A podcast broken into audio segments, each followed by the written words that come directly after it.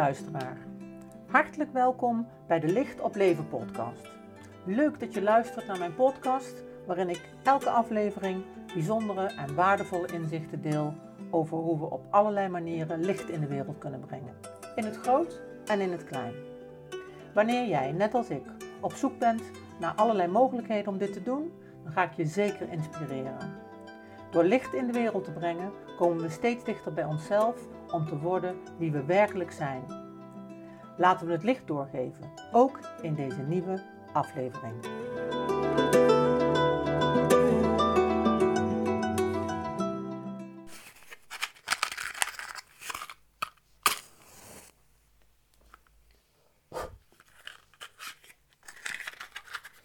Zo, lieve mensen, het vuur, brandweer, de Wereldvredesvlam zal ons ook weer begeleiden in deze nieuwe podcastaflevering. Ontzettend leuk dat je luistert.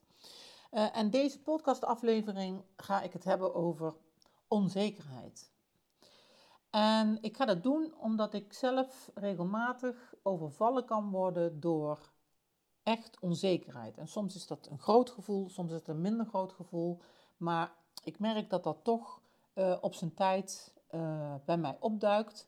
En ik zie het ook om me heen bij mensen. Uh, en ik, uh, ik denk dat het de moeite waard is om daar eens even bij stil te staan. Want we leven natuurlijk in een context. En die context die is op dit moment vol onzekerheid. En natuurlijk is onzekerheid een relatief begrip.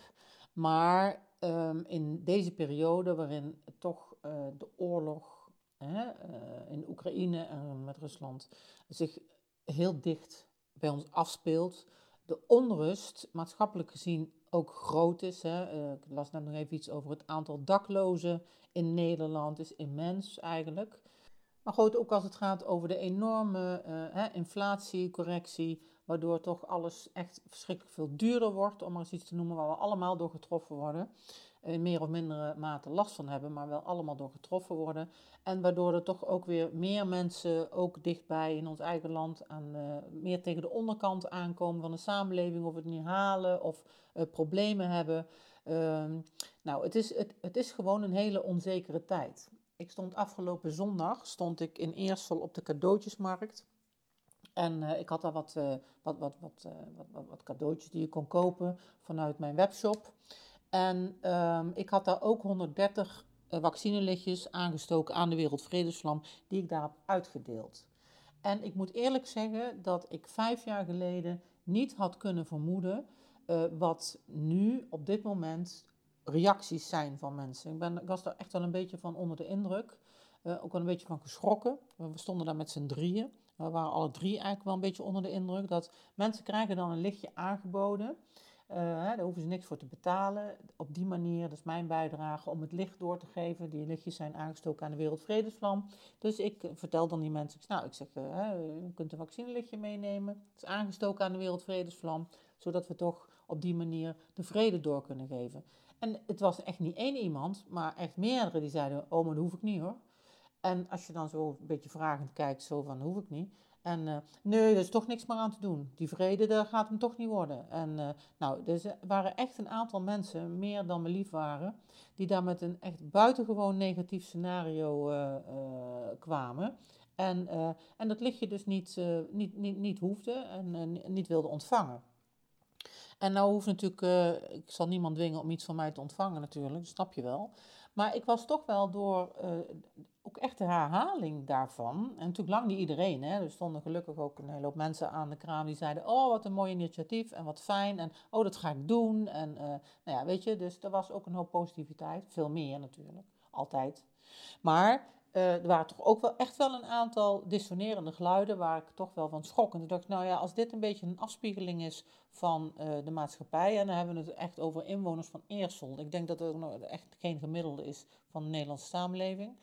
Uh, dus, nou ja, weet je, het, het, het, het vertelt mij iets. Het vertelt me allemaal iets over de toch hele lastige tijd waarin we leven. En um, ook ik heb af en toe echt last van diepe onzekerheid. En dat kan zijn over mezelf, Hè, over hoe, hoe ik ben of hoe ik uh, reageer. Uh, maar het kan ook zijn over uh, wat ik presteer. Hè, als het gaat over mijn bedrijf, wat ik neerzet, wat er overkomt. en dat kan ook zijn in de betrekkelijkheid eh, van het leven. En waar we vroeger nog allemaal verzekeringen afsloten en meenden van nou, daarmee hebben we dan de boel geregeld. Wat uiteindelijk natuurlijk allemaal schijnzekerheden zijn. Want je weet het gewoon niet. Je weet gewoon niet hoe het leven loopt. En ehm, weet je, het kan ineens maar afgelopen zijn. Het kan ineens maar anders lopen. En ik wil hier helemaal geen zwartgallig scenario afsteken. Maar het is wel reëel, denk ik. Eigenlijk kunnen we het niet we weten het niet. Dus in het nu zijn en je daarin voorbereiden om uh, toegerust te zijn tot het nemen van je lot, dat is toch eigenlijk waar het in de kern dan iedere keer op neerkomt. Um, maar goed, er zijn natuurlijk op dit moment allerlei krachten die uh, aan je trekken, ook zonder dat je het in de gaten hebt. En um, toen ik mijn eigen onzekerheid wat nader aan het onderzoeken was, Ehm, kwam ik dat stuk ook wel tegen. denk je, weet je, het is ook een collectief gevoel waar we mee te maken hebben. En alle mensen die last hebben van, uh, nee, mag ik zo niet zeggen, alle mensen die te maken hebben met hoogsensitiviteit, of HSP, of hoe je het ook maar noemen wilt, uh, die hebben daar natuurlijk allemaal mee te dealen. En um, ja, hoe werkt het dan en wat is dan je antwoord? Daar wou ik eigenlijk uh, deze aflevering bij stilstaan. Um, dus we hebben het net al even, heb ik het al ingeleid, hè, met de situatie in de wereld. Is de context natuurlijk, waar we allemaal in leven en waar we allemaal mee te maken hebben, of we ons ervan bewust zijn of niet. Hè. Uh, neem uh, op de televisie uh, grensoverschrijdend gedrag. We hebben MeToo gehad, grensoverschrijdend gedrag. Ook allemaal dingen zijn prima hè, dat dat boven tafel komt, dat denk ik echt. Maar het, dat boven tafel komen levert natuurlijk ook een, een, een gevoel van onzekerheid op. Zo van, hè, je, moet je hebt het wel aan te kijken allemaal. En dat doen we ook. En ik denk dat dit bij uitstek ook spiritueel gezien een tijd is waarin de onderste steen boven komt en waarin we dat hebben aan te kijken. Maar daarin hebben we ons ook te verhouden. En dat verhouden, dat is dan vaak een ding waar onzekerheid mee gepaard kan gaan. Daar kan meer mee gepaard gaan, maar in ieder geval ook een stuk onzekerheid. Een stuk het niet precies weten. Uh, het is anders dan dat je gewend bent, dus het trekt je wat uit de comfortzone. Ook altijd een beetje een ongemakkelijk gevoel. En wat dan heel erg essentieel is, is dat je de goede kant op blijft voelen, denken enzovoort. Uh, om maar een beetje een voorbeeld te noemen. Als het gaat over, uh, als je gaat opruimen, dan krijg je gewoon eerst rommel.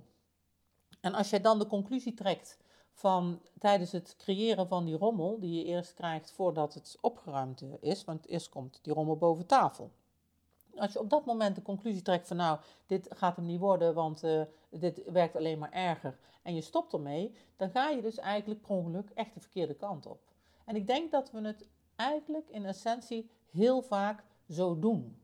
Dat het moeilijk kan zijn om het leven de tijd te geven om zich de goede kant op te ontwikkelen, laat ik het maar zo zeggen. Dus op het moment dat jij gaat nadenken over wat je wensen zijn, dan kom je automatisch uit bij je tekorten. Dus je kunt nadenken over, nou, dit is wat ik ontzettend graag zou willen, hè, of, of zou willen bereiken, of zou willen. En dan moet je eerst gaan nadenken, oké, wat is er dan nodig? En als je gaat nadenken over wat is er nodig, dan krijg je dus voor je netvlies, uh, of hoe zich dat dan maar bij jou presenteert, krijg je dus heel veel informatie over wat er dus verbeterd kan worden. Dus of wat er voor verbetering vatbaar is en niet goed werkt, of wat slecht werkt, of ja, maar net hoe je het wil benoemen. Dus dat is een hele belangrijke. Uh, ik moet altijd denken aan uh, Kees. Kees is van de Sensi-opleiding uh, die ik ook alweer langer geleden gevolgd heb.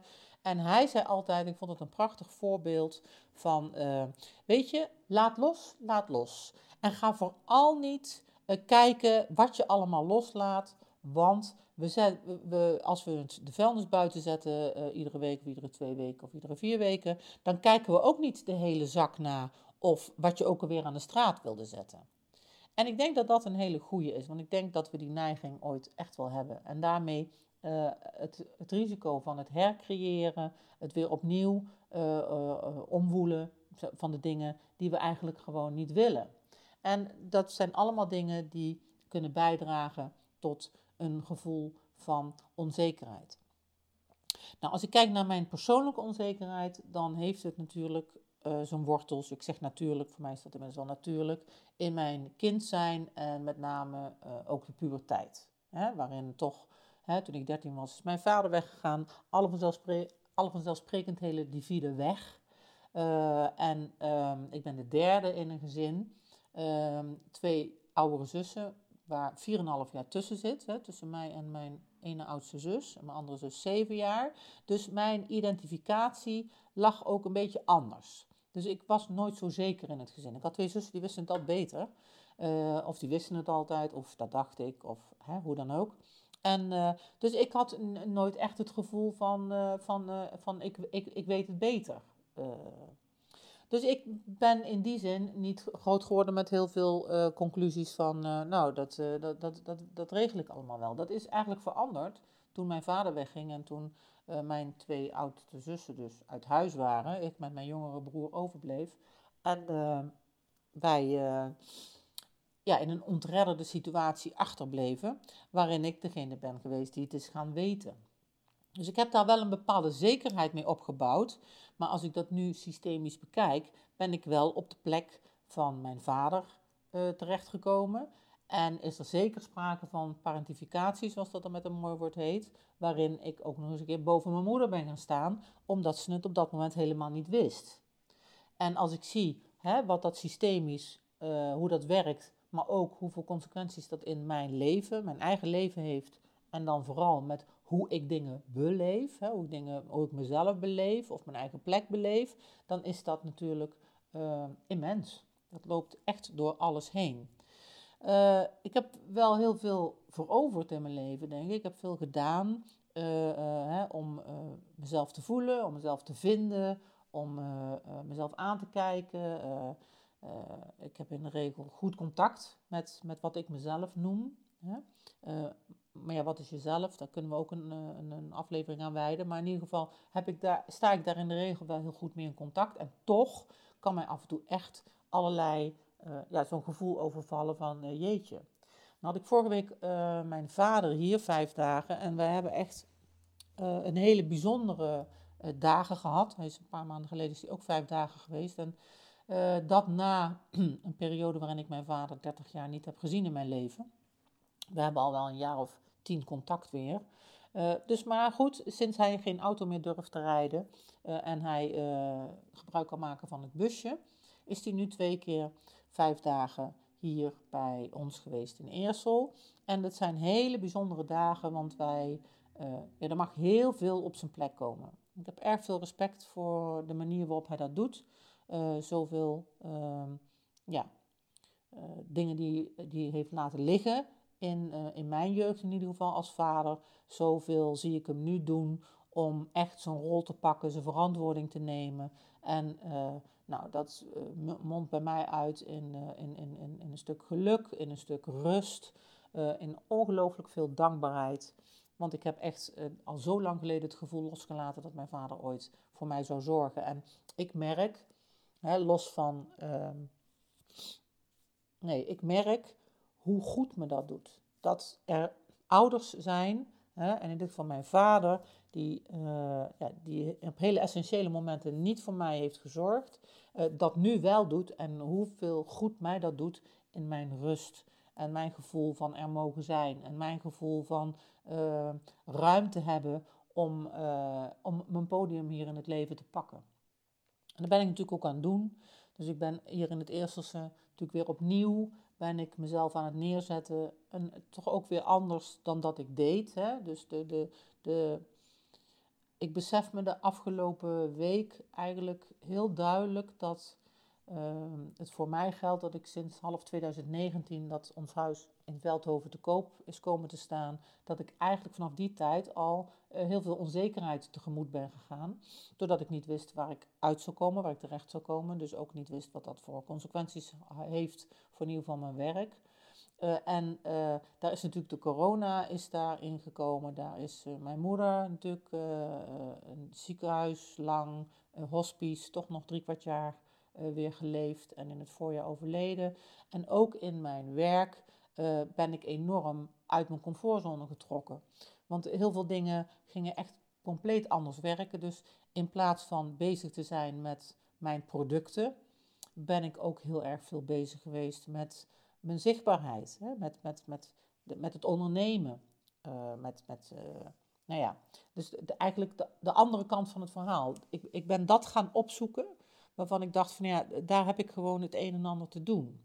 En, uh, maar dat is wel, daarmee heb je wel veel onzekerheid aan te kijken. Geen idee, ik wist, wist natuurlijk lang niet hoe het zou lopen. En omdat onze cirkel ook steeds groter werd van het kijken naar huizen, uh, en de kans dus aanwezig was, en zo is het ook gelopen, dat we buiten Veldhoven terechtkwamen, ziet het er natuurlijk ook anders uit als dat ik had gedacht. En dan hebben we ook nog in die ongelofelijke golf gezeten van die stijging van die huizenprijzen, waardoor ook het plaatje van het huis wat we hadden er heel anders uitziet als dat we aanvankelijk dachten. Uh, dus allemaal elementen die voor mij wel te maken hebben met onzekerheid en wat zich dan uh, nu kan vertalen in zo'n golf van, uh, ja, van, van, van, van moed wat in je schoenen zakt of zo.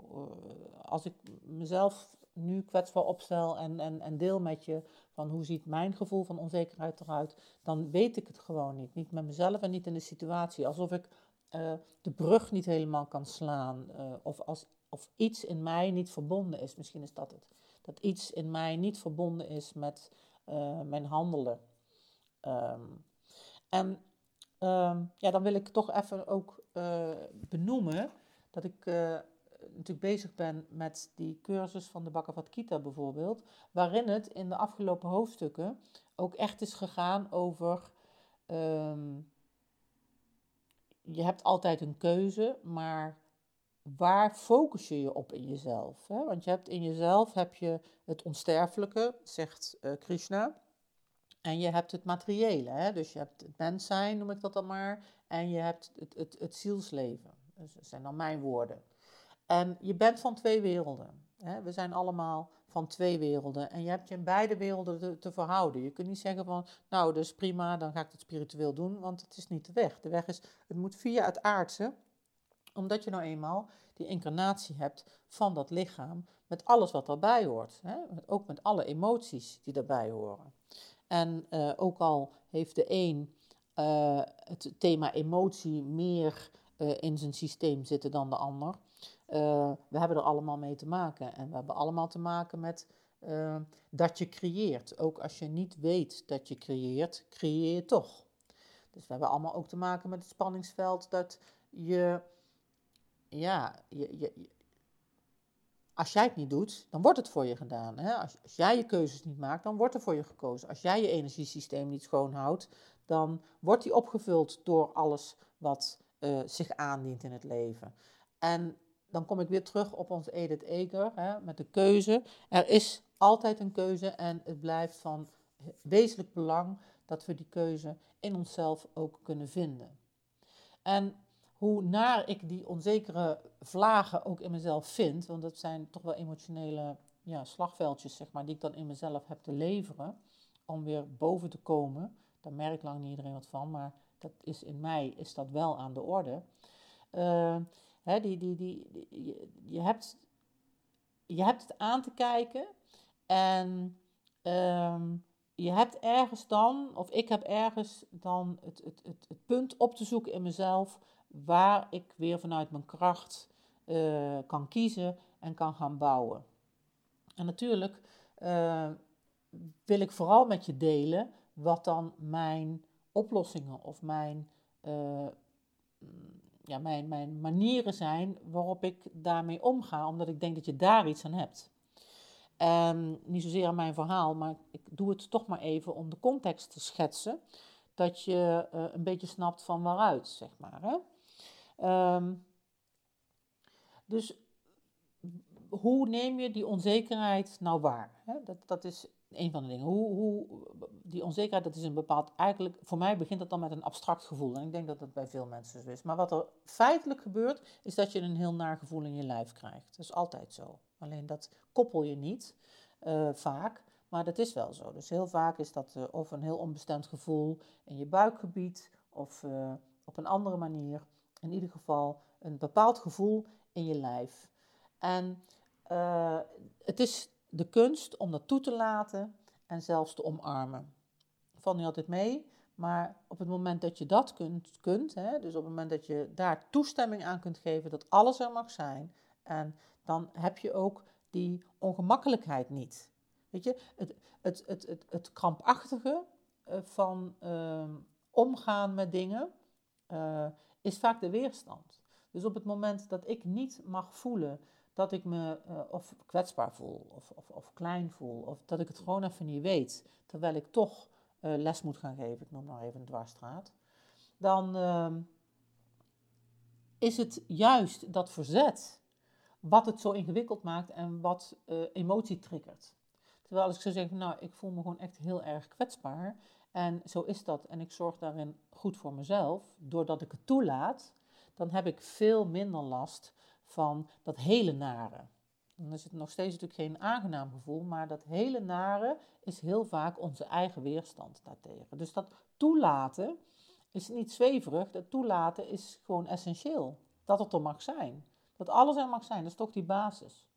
En dat je het kunt omarmen, uh, vind ik ook niet altijd een gemakkelijke, weet je, want, uh, uh, maar toch wel dat je het in liefde kunt, kunt hullen, zeg maar. Hè? En, en omarmen klinkt dan gelijk van dat je het allemaal ook wel prima vindt. Ik denk dat dat zo niet werkt.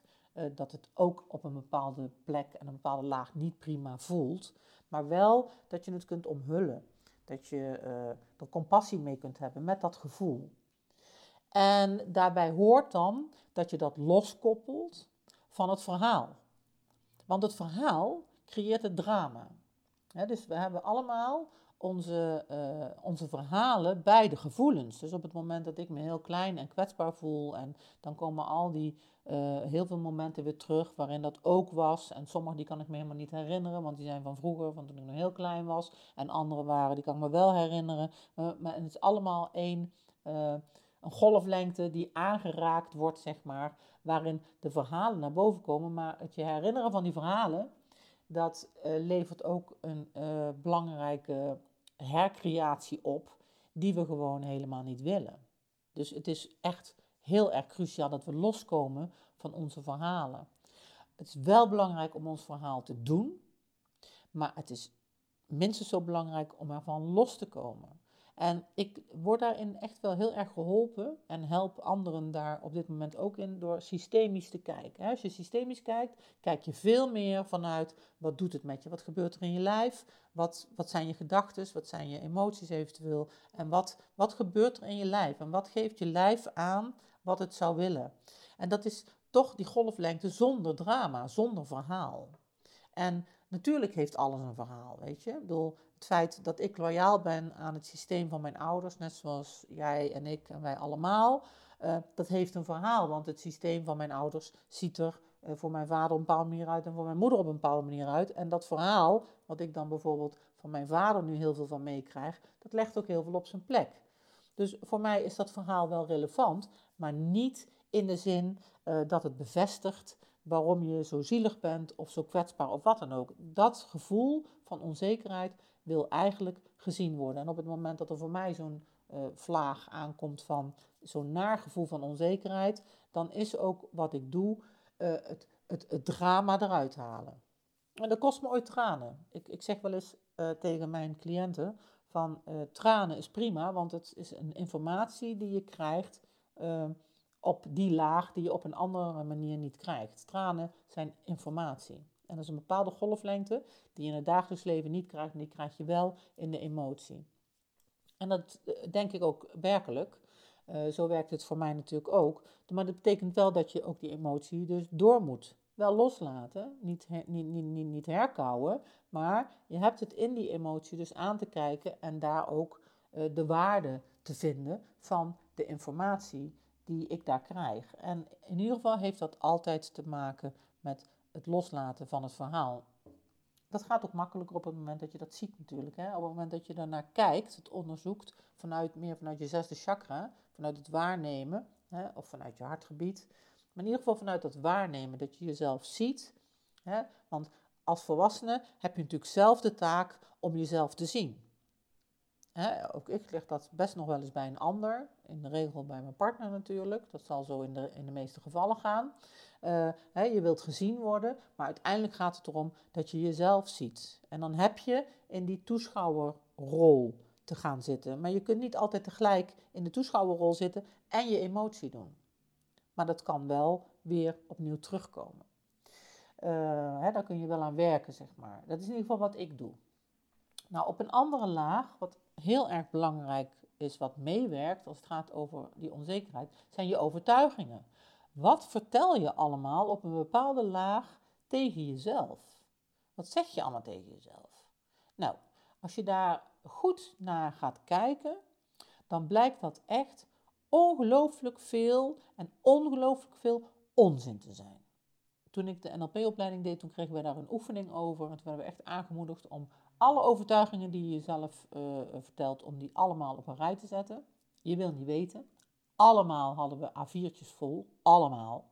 En allemaal was het de meest grote onzin. Dit kan ik niet, uh, dit heb ik nog nooit gedaan. Nou ja, weet je, ik, ik kan er lijsten van, van opnoemen. en allemaal dingen die je allemaal ooit tegen jezelf hebt gezegd. En die je heel vaak, zonder dat je er hebt, herhaalt. En ik kom zeker mijn overtuigingen tegen als het gaat over mijn, uh, hè, mijn bedrijf en hoe ik dat doe. Uh, hè, ik, ik, heb een heel kwetsbaar stuk daarin, waarin ik de wereld inga met uh, onbewezen goed, hè? wel met goed.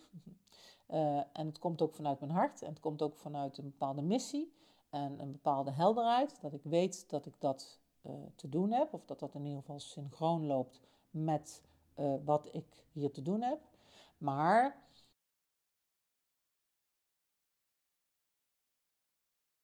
ik kom daar echt ook dingen in tegen wat ik allemaal op onbewustere lagen tegen mezelf zeg daarover. Dat niemand zit op mij te wachten. Uh, ja, wie wil dat nou? Dan zullen ze wel denken dat. En nou ja, je kunt het zo gek niet verzinnen. Je hebt daar beslist een voorstelling bij. Uh, en dat heb je gewoon te herzien op het moment dat je, op het moment dat ik de wereld in wil met, met, met, met, met, met, met, met mijn goed. Sorry voor het gestotter. Met mijn goed dan heb ik dat te herzien en daar werk ik ook aan. Dat doe ik ook en ik gun jou dat ook, want je hebt het te herzien. En doe je het niet, dan krijg je wat je kreeg, weet je. Want het zijn wel creërende gedachten. Die overtuigingen, die zitten ons toch lelijk in de weg, want die creëren wel. En uh, we willen natuurlijk, en ik wens je dat ook toe, dat je, uh, ja, dat het verbetert. Hè? Dat, dat, je, dat je een beter mens wordt, dat je meer uh, bij jezelf komt en vanuit jezelf de wereld inkijkt en betreedt, zeg maar. Um, nou ja, als het gaat over die onzekerheid en het systemisch stuk daarin, hè, of het, ja, dan heb je denk ik altijd te maken met onzekerheid op het moment dat je niet op je eigen plek staat in het gezin. Ik denk dat dat een hele grote bron is van je onzeker voelen van je wankel voelen, van niet weten of het wel klopt. Um, uh, en ja, daarvoor is gewoon een heel, uh, daarvoor heb je een programmaatje, zeg maar, wat je zou kunnen doen, hè? Uh, systemisch en met, met een paar oefeningen in de familieopstelling, om echt op je eigen plek, je eigen plek in te nemen in het gezin. want dat is echt ontzettend belangrijk. Alles begint toch bij dat gezin van herkomst. En ik word steeds weer meer duidelijk hoe alles daarmee te maken heeft. Ik had vandaag had ik een aantal consulten en eentje daarvan, hè, daarvan uh, liep een, een, een stel, een echtpaar, die liepen ergens tegenaan. En dat blijkt gewoon een kopie te zijn van het, het, het, het, het systeem van het gezin van herkomst. En als je dat niet daar oplost, dan los je het niet helemaal op, weet je. Dan kom je het weer tegen. Dus het is de kunst, en daar is dat systemisch werken, vind ik ook zo fantastisch, om dat echt bij de wortel aan te pakken. En dat kun je dus doen door middel van uh, oefeningen, rituelen en of opstellingen.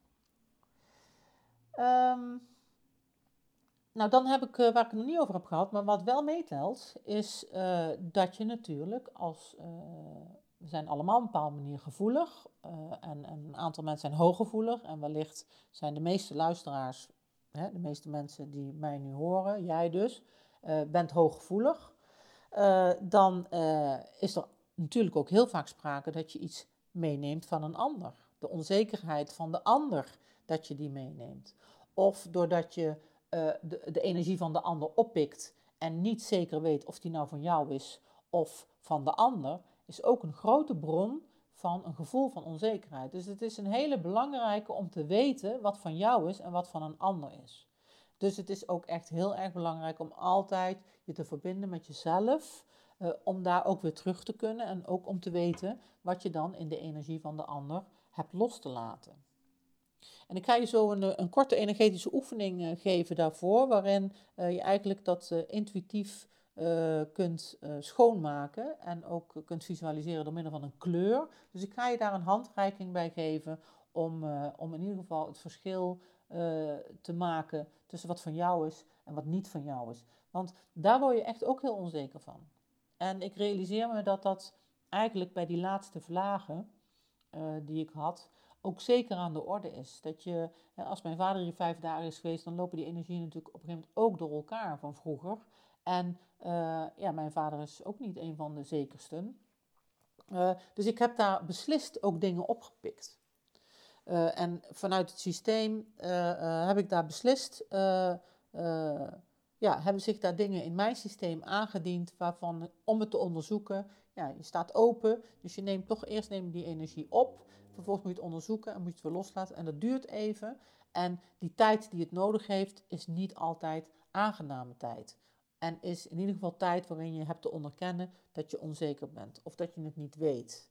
En dat blijft natuurlijk toch wat moed vragen om dat ook echt te mogen hebben. Dat je het echt even niet weet. dat mag, weet je. Alleen het mag zo vaak van onszelf niet. En ik zeg vol overtuiging tegen mezelf dat ik dat mag. En toch blijkt dat ik dat ook in mezelf, in die emotie, niet altijd herken. Dan denk ik dat ik dat mag, maar dan handel ik niet alsof ik dat mag, weet je. En dat is best wel een, eh, een, een, een, een puzzel ooit om erachter te komen uh, hoe dat dan zit. Nou, wat ook nog belangrijk is, is waar identificeer je jezelf mee? je identificeert jezelf vaak, nee, ja, misschien wel, ja, altijd, denk ik. Ja, vermoed ik wel. Ik vermoed dat wij ons allemaal ergens mee identificeren. En dat is wel belangrijk dat je daar weet van hebt waarmee je dat doet. Hè? Heel veel jongeren die identificeren zich natuurlijk met idolen. Uh, maar dat doen wij natuurlijk ook. Wij identificeren ons ook met iconen. Uh, en um, we identificeren ons misschien ooit met groepen, hè? of met, met, met deelnemers of aanhangers van groepen. Ehm, en het risico wat je dan loopt, is dat je van jezelf afgaat of dat je uh, op het spoor van iets of iemand anders loopt, waardoor je uh, van jezelf afgaat. En dat blijft, dat, dat blijft natuurlijk zoeken. En ik voel dat eigenlijk ook wel op een bepaalde manier als ik die, uh, die, die, cursus doe van de Bakker van Kita. En je wordt uitgenodigd, en dat doe ik dan, hè, om, je wordt uitgenodigd om je focus te leggen op het onsterfelijke deel van jezelf. Uh, en dat doe ik en het levert ook iets op, maar het levert ook op dat alles anders wordt en is, of dat ik het anders beleef dan dat het ooit was. En dat geeft ook een gevoel van onzekerheid natuurlijk. Dus ja, ik, ik, ik kan zo'n gekke hang hebben naar dat iets vertrouwd voelt, terwijl dat niet kan. Op het moment natuurlijk dat je je richt op uh, iets anders. Dus als je met je bewustzijn de conclusie trekt van nou, ik wil me toch op die zielenwereld richten, wat dan in mijn geval aan de orde is, dan uh, heb je wel te maken met de materie, maar dan helpt het je natuurlijk niet. Het helpt mij niet om me te identificeren met de fysieke wereld. Als ik me dan identificeer met mijn lijf, dan uh, krijg ik een spanningsveld. En ik heb dat lijf natuurlijk wel, maar ik ben het niet. Hè? Dus ik, ik heb een lijf, ik ben het niet. Jij hebt een lijf, maar je bent het niet. Je hebt emotie, maar je bent het niet. Dus de, de, de, de, de focus uh, is uh, uh, zeker op het moment dat je je afstemt op dit soort dingen, lijkt het niet altijd te passen in een, een, een, een gevoel van geborgenheid of een gevoel van. Uh, thuis of een gevoel van, uh, ja, van comfort, zeg maar, van veiligheid. Je, je, je hebt dat ook op een bepaalde manier, heb je daar wat tijd voor nodig om je daar weer in te zetten. En jezelf die tijd geven en dat onderkennen, dat lijkt me een hele wezenlijke. En dan kom je natuurlijk weer een beetje uit op dat uh, grappige voorbeeld van, ja, als je gaat opruimen, dan heb je eerst rommel. Dus op het moment dat je je identificeert met het onsterfelijke, dan krijg je natuurlijk eerst een hele hoop dingen ten aanzien van het sterfelijke. En dat is ook goed, maar het gaat er dus om hoe je daarin dan je eigen evenwicht vindt en hoe je je daarin verhoudt. Uh, en dat blijft natuurlijk balanceren. En dat is ook niet iets wat je bereikt, dat is iets wat zich aandient. Het is iets wat je doet. Dat is iets, uh, ja, daarvan ben je bewust, zal ik maar zeggen. Het is bewustzijn. Het is bewustzijn. Zo ongrijpbaar dat uh, soms ook klinkt, maar het is echt bewustzijn dat je ziet vanuit jouw punt van weten van oké, uh, uh, zo is het en, en, en hier kies ik voor. En in die tussentijd dient zich van alles aan wat er ook is en dat is ook helemaal prima. Nou, zo maar even wat, ja, wat, wat, wat, wat, wat, wat, wat dingen die ik had, op een rijtje had gezet ten aanzien van onzekerheid. En heb je er last van, heb je er moeite mee, dan wens ik je echt ontzettend toe dat je uh, hè, door wat zelfonderzoek te doen, door te kijken of je je overtuigingen wat kunt bijstellen, door onderscheid te maken tussen wat van jou is en wat van een ander is. Je kunt natuurlijk altijd het violet vuur inzetten. Hele goede manier, echt fantastisch. Transformeert en transmuteert. Ik verwijs je daarvoor graag naar de aflevering over het violette vuur. Uh, dus dat is ook een hele handige tool. En ik merk ook op het moment dat ik me weer, weer focus in meditatie bijvoorbeeld, er echt even voor ga zitten uh, en mijn energiesysteem schoonmaak. Dat het allemaal dingen zijn die me weer dichter bij mezelf brengen, weer dichter in mijn lijf en het ook weer makkelijker maken om hier te zijn en mijn ding te doen, zeg maar. Dus daarvoor open blijven staan.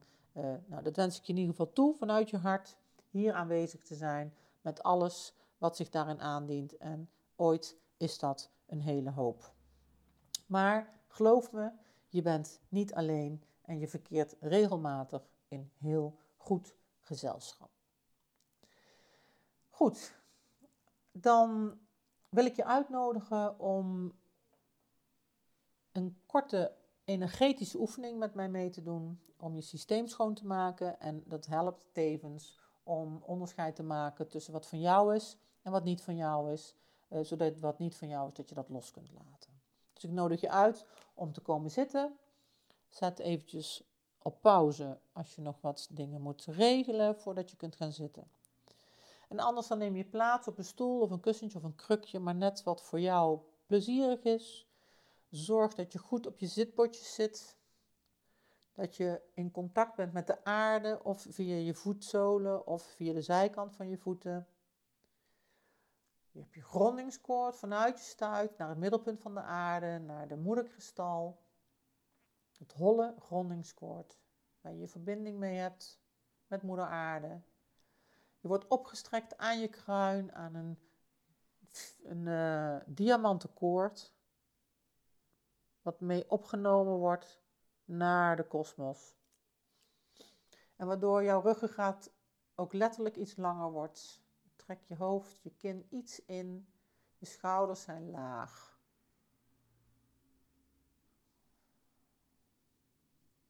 Dan ga je met je aandacht naar je ademhaling.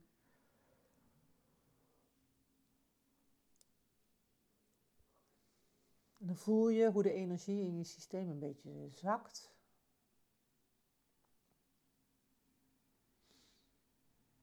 Geef jezelf toestemming om even rustig te zitten. Om even aandacht te hebben voor jezelf. dan voel je je voeten, je benen. Je voelt je bekken, je romp, je schouders, je armen, je handen, je nek en je keel en je hoofd.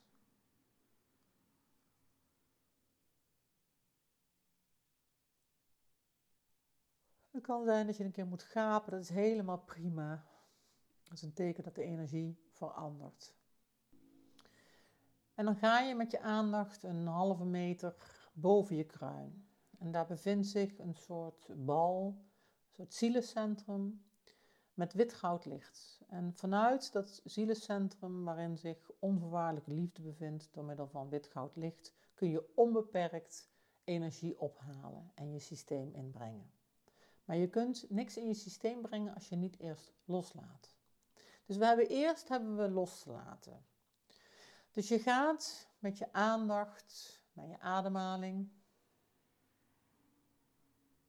Je voelt je aanwezigheid.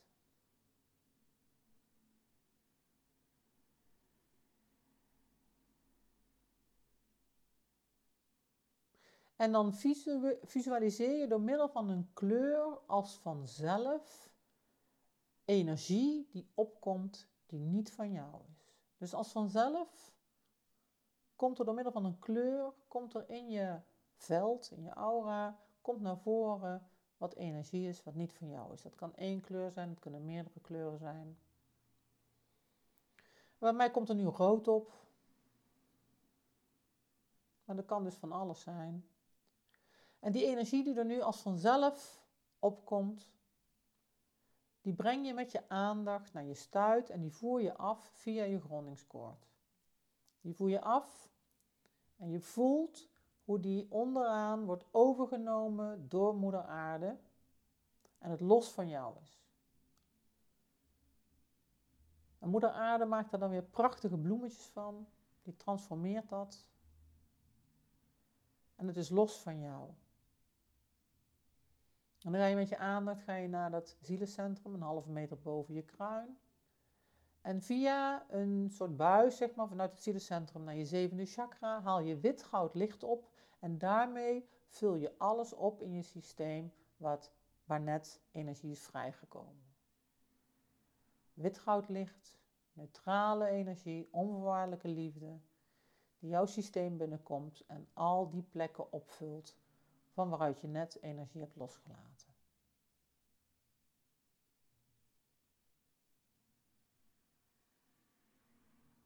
Je kunt er even de tijd voor nemen, maar het gaat ook vanzelf.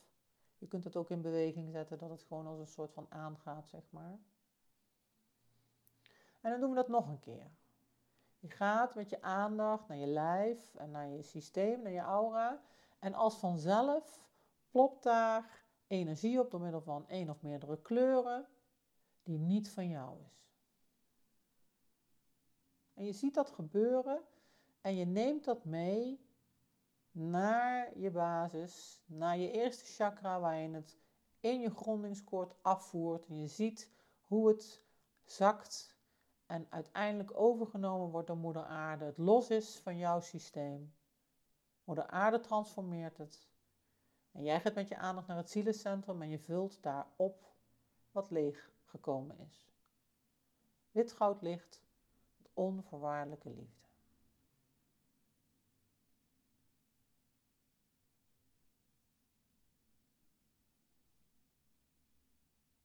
Kijk eens of je het verschil kunt voelen tussen net en nu.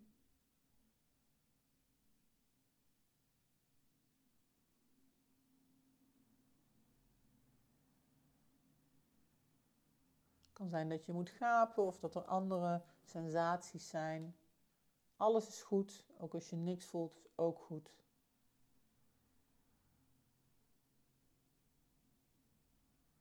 Maar in de regel zul je merken dat er iets veranderd is.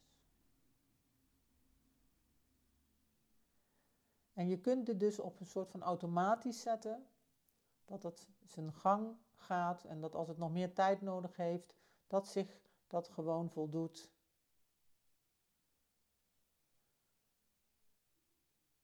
En als je dit nog een keer wil doen of je hebt meer tijd nodig, dan zet hem even op pauze en dan neem ook even die tijd.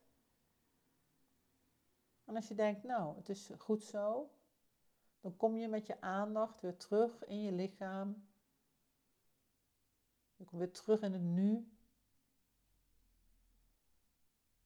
Op je stoel of je krukje of je kussentje, waar je ook zit, in de ruimte waar je bent. Dan open je je ogen.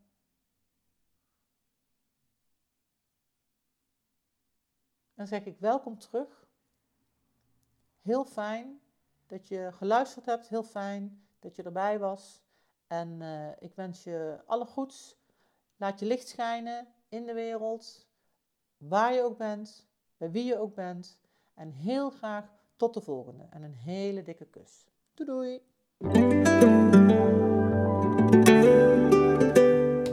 Superleuk dat je weer luisterde naar deze podcast. Dankjewel. Nog even kort een paar dingen. Ben je geraakt of geïnteresseerd in wat ik doe? Of wil je meer weten over technieken of meditaties? Neem dan een kijkje op mijn site www.oyaart.nl. O Griekse I A streepje ART. Ten tweede, wil je al mijn podcastafleveringen overzichtelijk onder elkaar? Abonneer je dan op deze podcast. Klik in je podcast-app op de button subscribe of abonneren en elke keer wanneer er een nieuwe aflevering komt, dan ontvang je automatisch een berichtje. Ten derde, ondersteun je mijn werk? Geef dan een review via de podcast-app, bijvoorbeeld iTunes of Spotify. Dan kunnen mijn afleveringen nog meer betekenen. Naar iemand doorsturen via het kopiëren van een linkje, via Spotify bijvoorbeeld, mag natuurlijk ook altijd. Ik vind het altijd heel erg leuk om berichtjes te ontvangen, om te horen of je iets hebt gehad aan een inzicht. En natuurlijk ook om te horen hoe jij creatief bent met licht. Wie weet hoor je het terug in de volgende aflevering. Laat het me weten via de mail op de site www.oyeart.nl. Je kunt me ook heel gemakkelijk googlen onder Carla van Olst en dan Carla met een C. Voor nu, heel erg bedankt voor het luisteren. Alle goeds, geef het licht door en tot de volgende.